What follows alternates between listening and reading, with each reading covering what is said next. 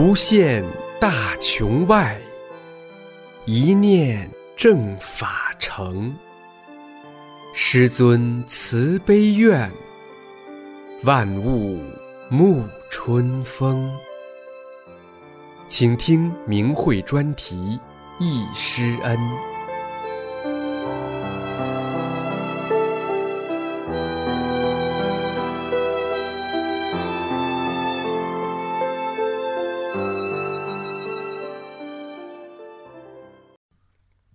请听明慧忆师恩专题文章，题目是《参加师尊在大陆传法班的点滴》，作者海外大法弟子静心。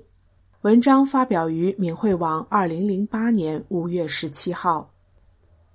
一个生命最值得纪念的日子，一九九二年五月十三号，伟大的师尊在自己生日的这一天，把大法传向人间。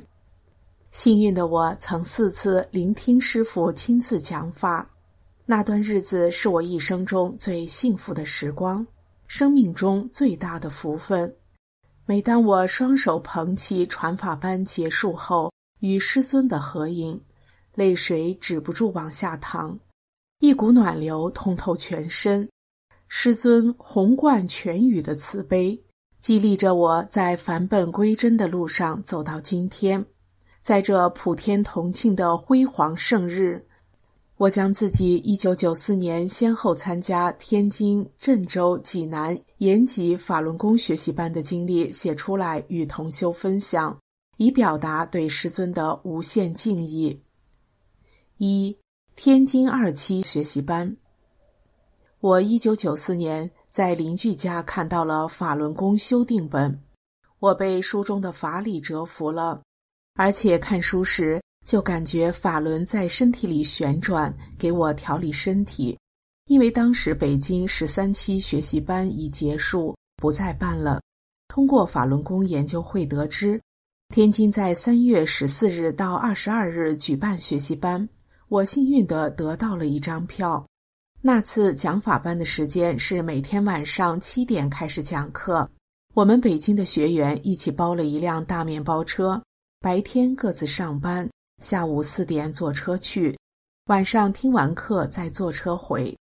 讲法班一共有十堂课，但师傅考虑到学员的经济条件，就减为九天。最后一天安排为上下午各一堂课。我们在天津就住了一宿，大家一起交流。因为刚开始学，腿还盘不上，就互相帮着压腿。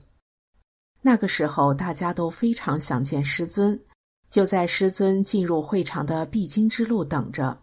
那天，师尊穿着浅咖啡色的夹克，高高的个子，特别精神，慈悲祥和地看着围上来的学员。我那时刚入门，好多问题要问，可是见到师尊的刹那，脑子里空空的，什么也想不起来。那次讲法的地点是。天津和平区八一礼堂可容纳一千二百人。我们在二楼靠楼梯口的座位坐着。师尊教功时，让一个弟子演示，师尊在旁边耐心的讲解，并走到学员中间纠正动作。当时师尊亲自给我弟弟纠正了抱轮动作，我羡慕的不行。他是多么的幸运啊！二郑州学习班。那次学习班的时间是一九九四年六月十一日到十八日，开始是在一个破旧的礼堂，四面透风，地面都不平，只有一个大门进出。因为郑州是某宫的老巢，师傅在这里传正法，魔就干扰。那天师尊正在讲法，忽然全场的灯都灭了，雷电交加，下起了倾盆大雨。狂风夹杂着暴雨，很多树都被连根拔起。据说郑州从没下过这样的大雨，外面下着大雨，礼堂里面下小雨，可是全场特别安静，没有一个人走动。我旁边有位同修，全身都湿透了，就坐在水里一动不动的听法，给我很大触动。师尊好像徒手抓到了什么东西，顺手装在了桌上的矿泉水瓶子里。不多时，礼堂里面的灯就亮了，又恢复了正常讲课。我深深体会到师尊传法的艰辛，为众生付出太多太多了。能够走到今天的我们，绝不能辜负师傅的苦心啊！在学习班结束后，很多学员都拥上台，争先恐后的与师尊握手。我也有幸与师尊握手，那时候就是觉得特别幸福。希望时间能够停住，所有人都依依不舍的不想离开师傅，场面非常感人。三。济南二期学习班，一九九四年六月二十一日到二十八日，我和同事带着十岁的女儿参加了济南二期学习班。这期学习班一共有四千多人。我们得知消息的时候，已经没有票了。由于人多，体育场的中间都坐满了人。我们后去没有票的，反倒就坐在师尊眼前的地板上，离师尊非常近。当时正是夏天，体育场里很热，好多人都拿着扇子扇。但是我们悟到，再热也不扇。后来师傅讲课中也说不用扇，就像师尊讲的那样，我感到一股股凉风吹来，一点也不热。每次学习班，师尊都和我们合影留念。可是这次学习班人太多，师尊让我们以前跟过班。同师尊照过相的就不要照了。我听师傅的安排，虽然很想再合影，可还是把机会留给没有跟师尊合过影的学员。照相那天非常热，师傅顶着烈日，亲自安排同各地区的学员合影。到我们地区的时候，师尊忙于组织，让我的同事给留好位置，自己安排好后面的学员再回来。安排好后，师尊就回到原来的位置，我的同事和女儿旁边。我赶紧按下快门，留住了这珍贵的一瞬间。四延吉学习班，一九九四年八月二十日到二十七日，我和女儿参加了延边体育馆的学习班。得知消息的时候，学员中都流传说延边治安不好，特别乱。火车上就有抢劫的，劝我不要带女儿了。而且这次学习班北京去的学员是最少的一次。那时候还不懂得正念，就是想我学的是正法，不会有事的。就凭着单纯的信师信法这一念，我们此行非常顺利。本来从北京去延吉的高价票卖到三百多，可是我们一百多就买到了卧铺票。而且延边那地方民风淳朴，根本没有什么偷抢的。回来后，我们把这次学习班的过程讲给没有去的学员，他们都非常后悔一开始听信了延边治安不好的谣言，没有听到讲法。那次火车站不给托运行李，可是很多资料需要带到延边，当时北京站的站长就给我打电话。问能不能帮托运资料，我就找到单位，非常顺利的把资料托运到延边。仔细想来，看似巧合，其实都是在师傅的安排之下。以上是我聆听师尊讲法的几段回忆。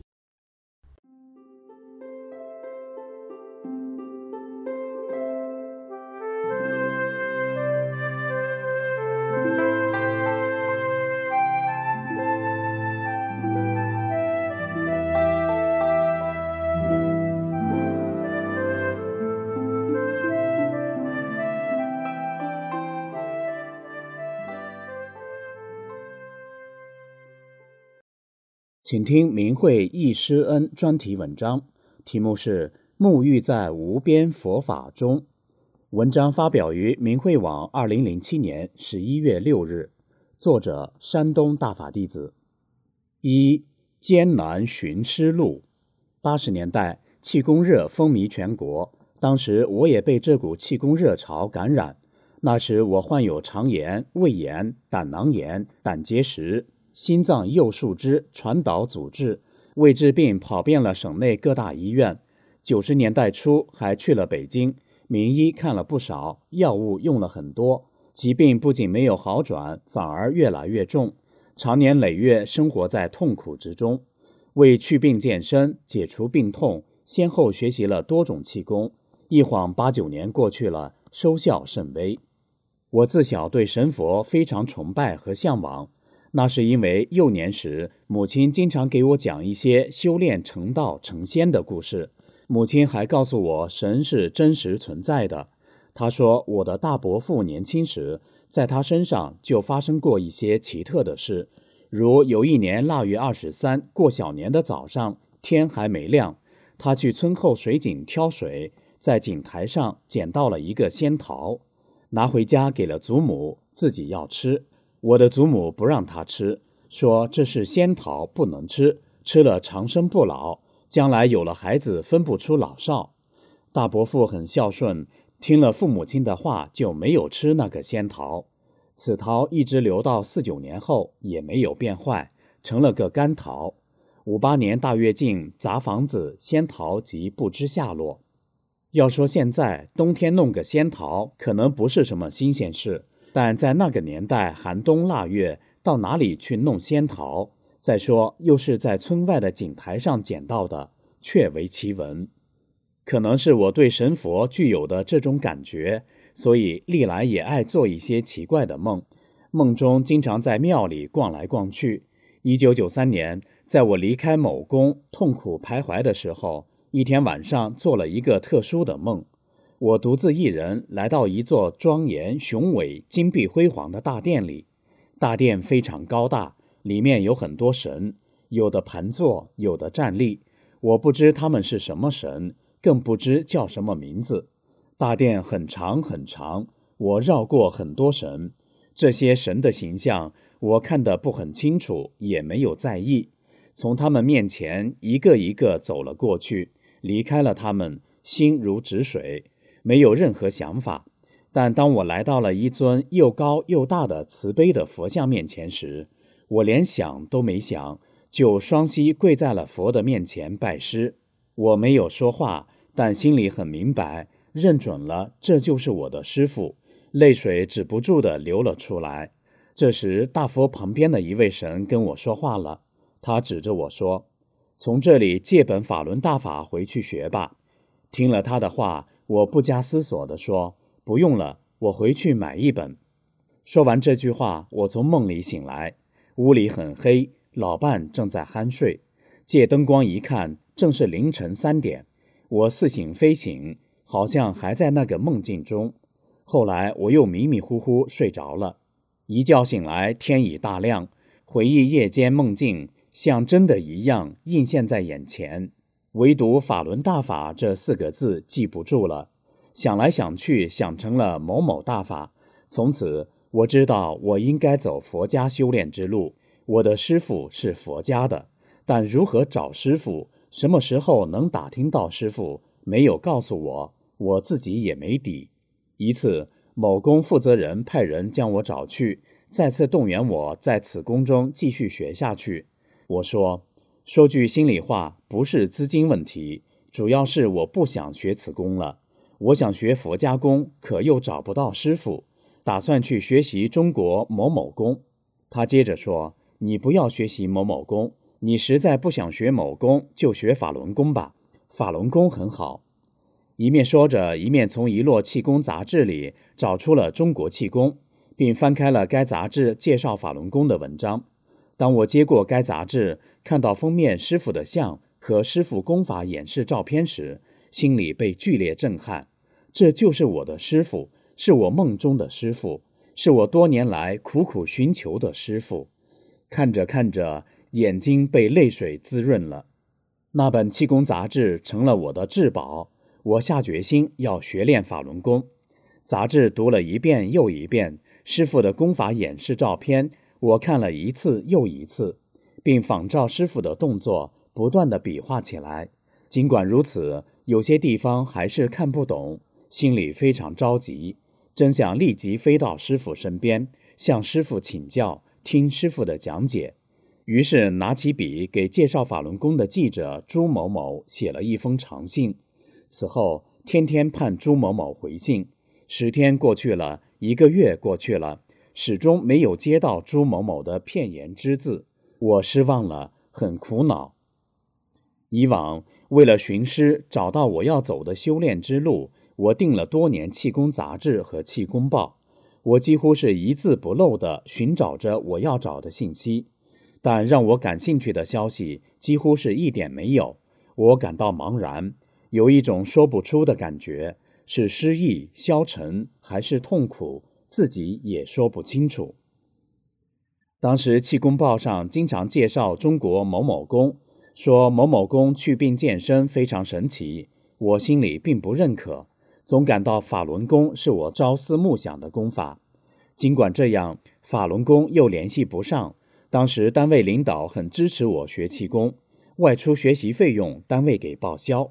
我不想失去这个机会，于是决定赴安徽宿州看个究竟。宿州市与我市相距千里之遥，去宿州又没有直达车。当时社会上还较乱，外出人员被抢被砸的事件时有发生，心里有一定顾虑。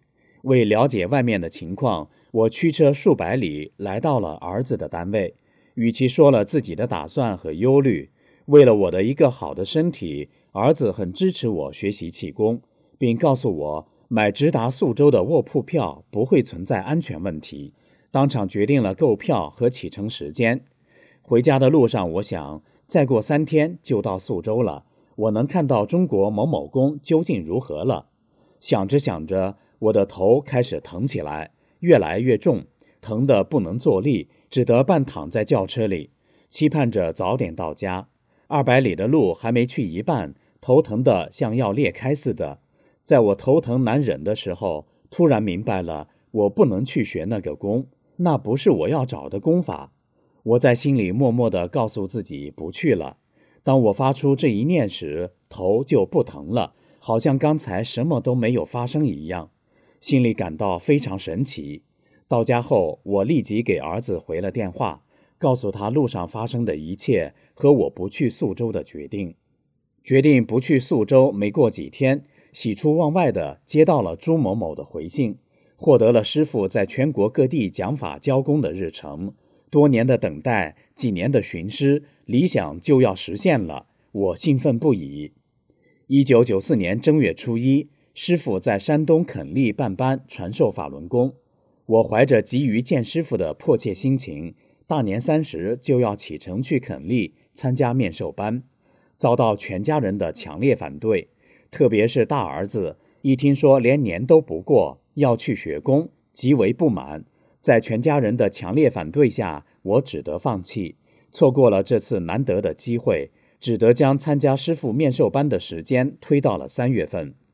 一九九四年三月二日至三月十二日，师傅在河北石家庄办法轮功传授班，原打算办两期，一期由气功协会牵头，另一期由市总工会协办。一期结束，另一期接着办。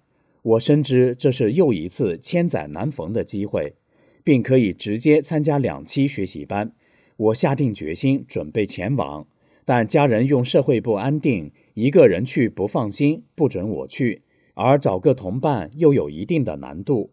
那时法轮功传出时间不长，当地了解法轮功的人很少，想学法轮功的人更少，找个同伴非常难。办班的日期越来越近，我为找不到同伴心急火燎。正当我苦于找不着同伴的时候，一个对气功并不热衷的人主动提出愿与我同往。听了他的话。我非常高兴，全家人也放心了。三月一日，我收拾行装，乘上了去北京的车。经过四个多小时的颠簸，在半夜两点到达了石家庄车站。三月初的北方天气非常寒冷，街道上静得出奇，人行道上一个行人也没有。有时马路上有几辆轿车飞驰而过，找个问路的人很难。我们毫无把握地走了两个小时路。有一辆人力三轮车从后面赶了上来，我们非常高兴地询问了报名的地方，拜别了指路人，我们继续往前走。十几分钟后，就找到了裕华路六号的报名处。七时许，陆陆续续的来了不少报名参加学习班的人。我们两个来的比较早，分别被编为六号、七号。交了五十元学费后，就有人领我们到了石家庄饭店。来参加师傅传法班的人，大部分都住在这里。这个饭店很大，是个梯形楼房，离学习班的会场很远。东面是石家庄博物馆和广场，环境很好。食宿安排完毕后，负责人告诉我们，早八点在国棉六厂的礼堂听师傅报告，晚上在国棉二厂听老师讲课，并发了入场券。回忆往事，越来越感到师傅慈悲伟大，越来越感到师傅对弟子无微不至的关怀和事事处处的呵护。在我迷失方向、痛苦的时候，是师傅及时指点了我方向；在我将要误入歧途的紧要关头，是师傅点悟并阻止了我，并一步一步引导我找到了大法。当我没有同伴、家人不让启程的时候，是师傅照顾弟子，使我得到了同伴。在迷途中，师傅又及时给我们指明了去报名处的方向，使我们没有走一点弯路，及时到达了目的地。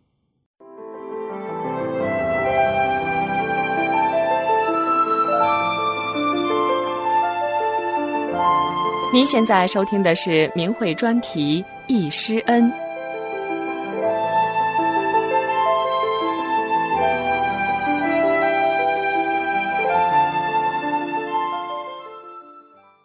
二德法，当天有千余人报名参加学习班，大部分是从外地赶来的，其中北京人最多。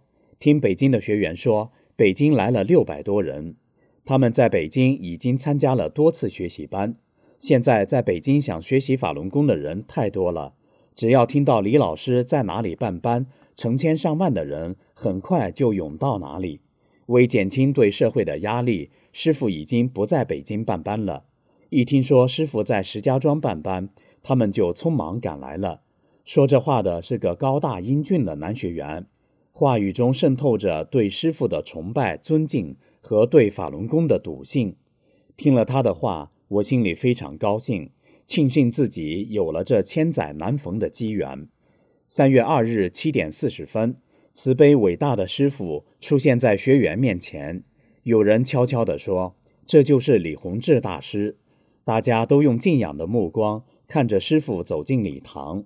在那一瞬间，多年朝思暮想的师傅今天终于见到了，心情万分激动，泪水在眼帘内打转。怕人看见笑话，我竭力抑制着不让它落下，内心里默默地说：“师傅，我终于见到您了，我想学法轮功的梦终于实现了。”此时，我沐浴在佛光普照的幸福中，这是我一生永远不会忘却的最幸福的时刻。当师傅走上讲台时，会场爆发出雷鸣般的掌声。师傅向大家问好后，会场里又接连不断的响起了掌声。师傅做报告时，除师傅那慈悲、清晰、洪亮的声音外，会场里鸦雀无声，没有一个人抽烟。没有一个人低语，连咳嗽声都没有，更无人走动。大家都全神贯注地听师傅讲法。在讲法中间，师傅为了帮助学员修炼，给真正修炼的学员净化身体，让每个人想一下自己的病，只想一个。然后，慈悲伟大的师尊在礼堂里朝不同方向挥了两次手，然后让学员跺一下自己的右脚。会场里顿时发出了一阵巨大的轰响，就在这一瞬间，很多人的顽疾不知不觉消失了。这场讲法直到中午十二点才结束，学员们怀着崇敬的心情，依依不舍地缓缓离开了会场。当天晚上，师傅在二棉礼堂讲了两个小时的法，这法是我有生以来没有听说过，也是任何书本上看不到的。虽然当时我还不知道师傅讲的是宇宙大法，但对师傅的那种崇敬是无法用人类的语言表达的。听完师傅讲法，回到旅馆后，浑身有说不出的难受，就像大病临头。腹疼、头晕、睁不开眼，没有洗漱就躺在了床上。那种痛苦就像以往住院前的感觉一样。要是在家里，可能又得住院了。同伴见我不舒服，一面不断的安慰我，一面给我洗了一个苹果让我吃。我没心吃，也吃不下，确切点说，根本就顾不上吃了。尽管我非常难受，但我一点也没害怕。师傅在报告中已经告诉了大家，在净化身体的过程中会有反应，虽然觉得病得很重，但能承受。在不知不觉中。进入了梦乡，第二天醒来，我像变了一个人一样，真是无病一身轻。第一次体会到作为一个健康人的那种幸福。我患慢性肠炎、胆囊炎、胆结石多年，经常腹疼、腹泻，泻的都是棕色粘液。有时慢性胆囊炎急性发作，痛不欲生。为避免引起病痛，平时在生活上很注意，生的不敢吃。冷的不敢吃，连凉开水也不敢喝，给生活造成了极大的不便和痛苦。可就在参加学习班这一两天，我的身体发生了根本的变化。在学工的日子里，我们吃的是包餐，每天十几元钱的生活费，六人一桌，六菜两汤，其中有凉菜。在以往，有些菜我是不能吃的，特别是一些凉菜和有刺激性的菜。想吃也不能吃。自从师傅给净化身体后，什么都能吃，吃什么都行，没有任何不适感。以往每天大便四五次，便时腹疼腹泻，而现在一切都正常了。学习班虽然仅办了九天，原预计十天，提前一天结束，但我的身体得到了康复，思想得到了升华，有生以来第一次体会了无病一身轻的快乐。大概是师傅讲法的第六天，气功协会的人安排全体学员与师傅合影，大家听了非常高兴。参加学习的分为二十个小组，北京市的学员为第一组，我和同伴参加了第一组。当时照相安排在石家庄体育馆西侧，师傅依次和所有学员合影。和师傅合影后的学员大部分没有离开现场，仍然在原地仰望着师傅。有的跟在师傅身后，我和张家口医学院的一位学员及河南的一对母子都是参加第一组和师傅合影的。照完后，我们没有离开，不由自主地跟随师傅由第二组走到二十组。当最后一组学员与师傅合影后，师傅就要往回走了。我们四人不约而同地站在了体育馆的石阶上，大家心里都想和师傅照一个小型合影。但谁也没好意思说出口。当师傅走进我们身边时，我们不约而同地鼓起掌来。没想到师傅笑着站到了我们四个人的面前。气功协会的负责人和一位叫不出名的学员也加入了我们的行列。照相机及时拍下了这个幸福的历史时刻，给我们留下永恒的纪念。大慈大悲的伟大师尊呵护着众生，救度着每一位有缘人。记得在开班的第三天，在旅馆的食堂里，我遇到了一位白发老者。老人对我说：“他七十五岁了，是从重庆来的。”我有意问他：“四川不是有高人吗？”他毫不犹豫地说：“这是缘分，也是机缘，就看自己珍惜不珍惜了。”有一位老年人是从内蒙古坐飞机赶来的，他参加了师傅多次讲法班，仍然不放过石家庄这次机会。虽然知道的晚了些，还是匆忙赶来了。有的人听了师傅讲法，走上了修炼之路；有的人却不珍惜这万古机缘，那就错过了。与我同去的那位就是其中之一。在学习班期间，每位学员都早起参加集体练功。在练功场上，不少老学员主动教大家练功，并给大家做示范。大家都珍惜这难得机会，几乎没有人不参加。唯独同伴在旅馆睡觉，劝他他也不听。学习班结束回单位后，他就放弃了。我为他倍感可惜。办班期间，师傅总是早来晚走，我真想走到师傅面前，与师傅说几句话，问一声“师傅好”，但我没有那样做，只是隔一段距离，仰望着师傅，享受着人生最美好的时刻。有一次，师傅讲法还没有开始，坐在我旁边的河南温信同修告诉我，他参加了很多种气功班，那些气功师都不是正路的，他们只是为了挣钱。特别是那个某某就是个骗子，一点道德都没有。他很气愤地讲了他不少损德的事。听后，我恍然大悟：其人为什么找不着？为什么想去宿州就头疼？是大慈大悲的师傅慈悲于我，呵护着我，不让我误入歧途，并给我指出了一条金光大道。每当忆起这些，我总是激动万分，无法表达对师傅的感激之情。学习班将要结束时，师傅要我们每一个学员写篇心得体会。师傅亲自看，我当时不知写什么，如何写，但脑海中浮现了几句顺口溜，随即记了下来。学功，学功整五载，茫然无所知，痛苦徘徊无觅处，石门遇恩师。法轮是大法，奥妙道玄机。立志穷生苦修炼，圆满是归期。一九九四年三月八日。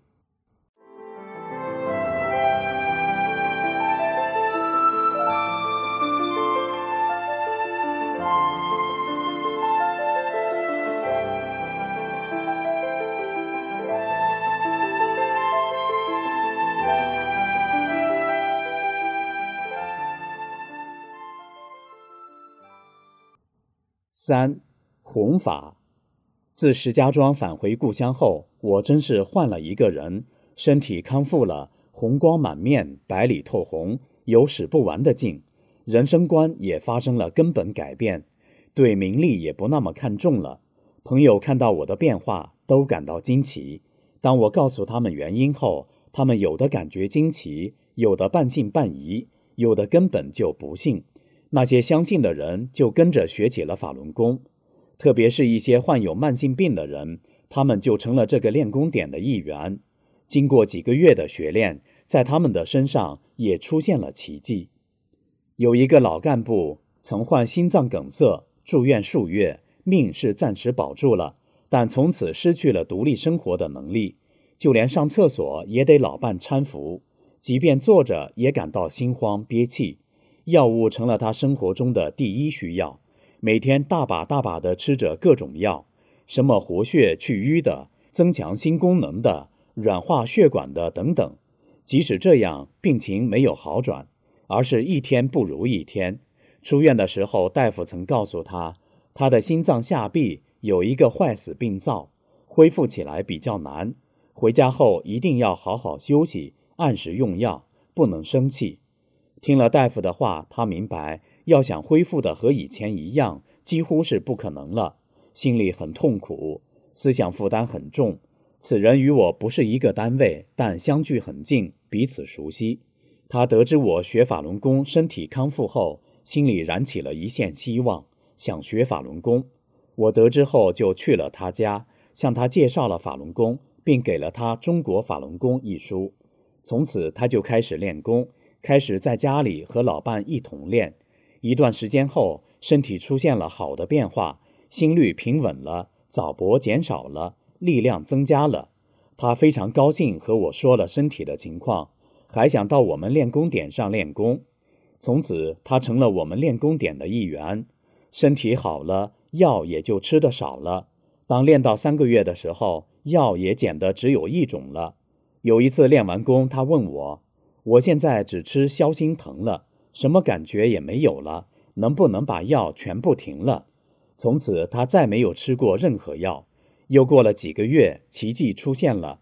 以往靠别人照顾的他，不但不用别人照顾了，有时还用脚蹬三轮车拉着老伴、孙子去市场买菜和走亲访友。该学员练功后的变化，像新闻一样在我们这个小区传开了。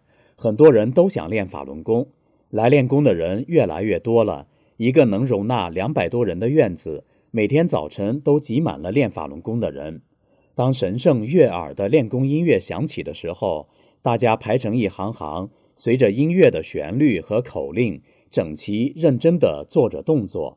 来练功的有男有女，有老有少，有有病的，也有一些是完全健康的年轻人。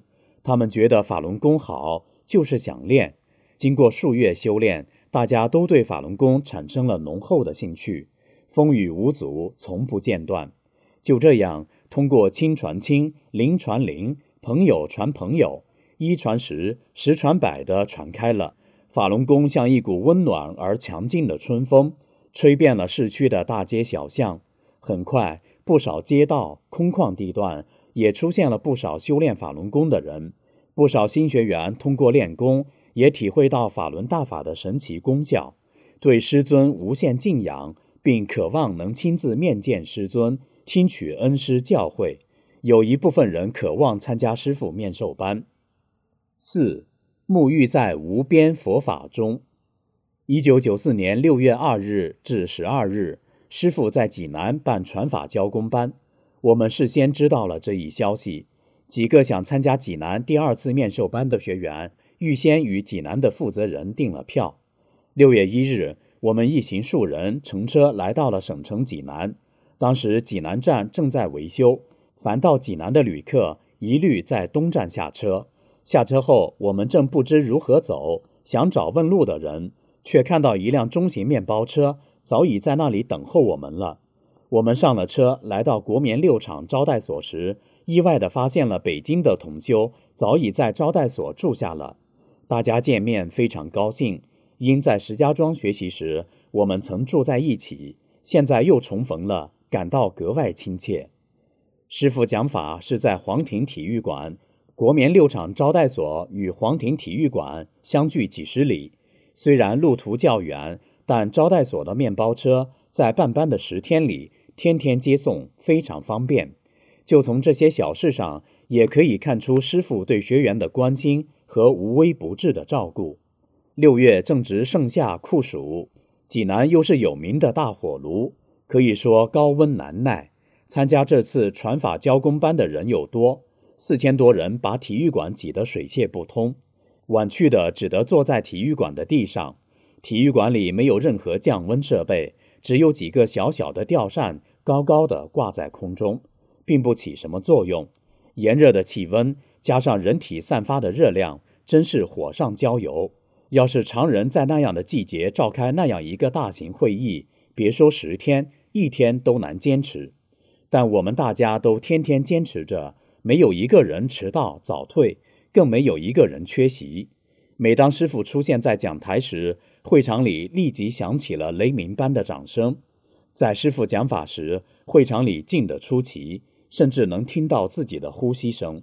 大家全神贯注地聆听师傅讲法，高深的大法、深奥的宇宙法理，震撼着每一个人的心灵，悄悄地改变着人们的思想和观念。大家除了听师傅讲法，心里一点杂念都没有，连烟迷也想不起来抽烟。在那个场上，谁也没有那种热的难耐的感觉，只有少数人习惯性的轻轻摇着扇子。当师傅讲到练功人连这点苦都不能吃，你怎么修炼？吃苦是好事。摇扇子的人立即收起了扇子，随后大家都感到有一股凉风徐徐吹来。在这股微风的吹拂下，我觉得特别舒服凉爽。当时我还认为体育馆里有空调呢，事后才知道体育馆里根本就没有空调设备。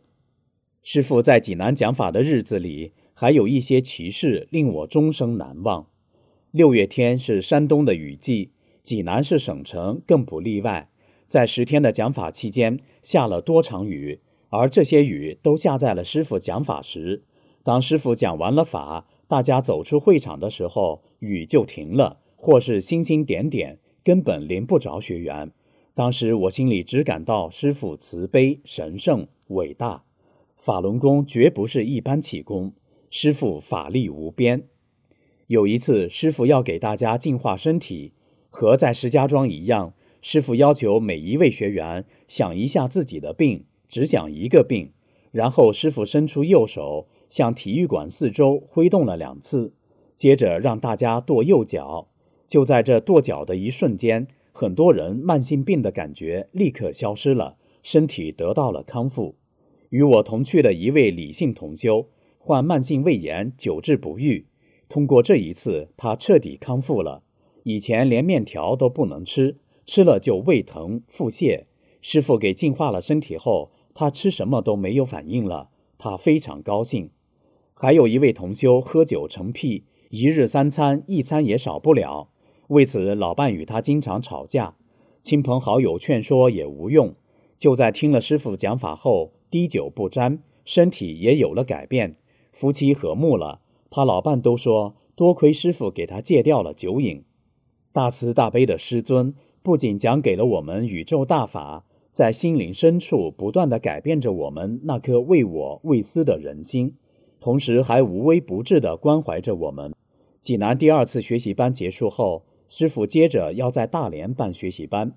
在济南学习班结束的那天晚上，师傅说：“明天要坐飞机去大连参加法轮功学习班的学员，不要坐飞机，一律改成火车。”有学员问师尊：“从广州乘飞机去大连的，是否也改成火车？”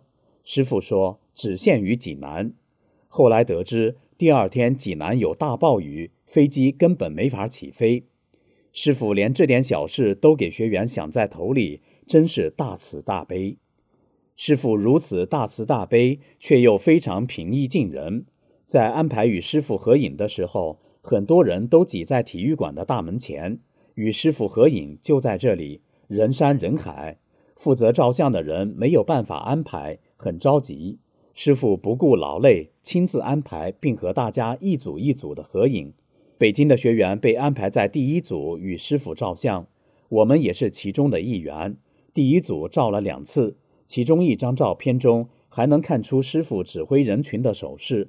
在伟大师尊的亲自指挥下，四千多人这么庞大的人群。有组织、有次序地照完了相，这真是个奇迹。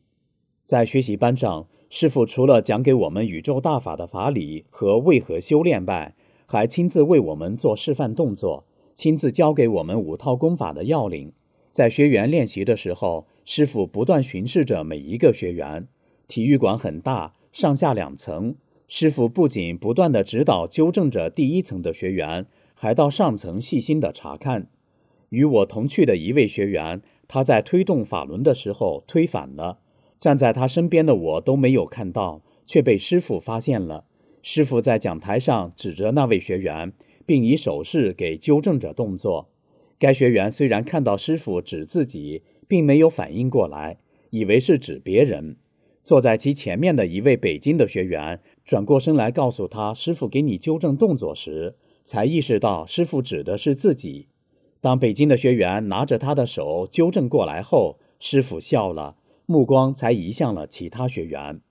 十天，短短的十天，但在每个学员的心里都留下了美好的回忆。大慈大悲伟大师尊的一言一行，都深深铭刻在我们每一个学员的心中。师傅以宇宙大法的法理，给每一位真修弟子打下了坚实的基础。指导我们走过了一个一个难关，特别是七二零之后，大法弟子以宇宙法理辨正邪、识谎言、避毒害，在残酷的迫害下，一次一次走了过来，成了正法时期的真修弟子，注师正法，救度众生，不断的圆满着自己的果位，兑现着史前宏愿。再次感谢慈悲伟大的师尊。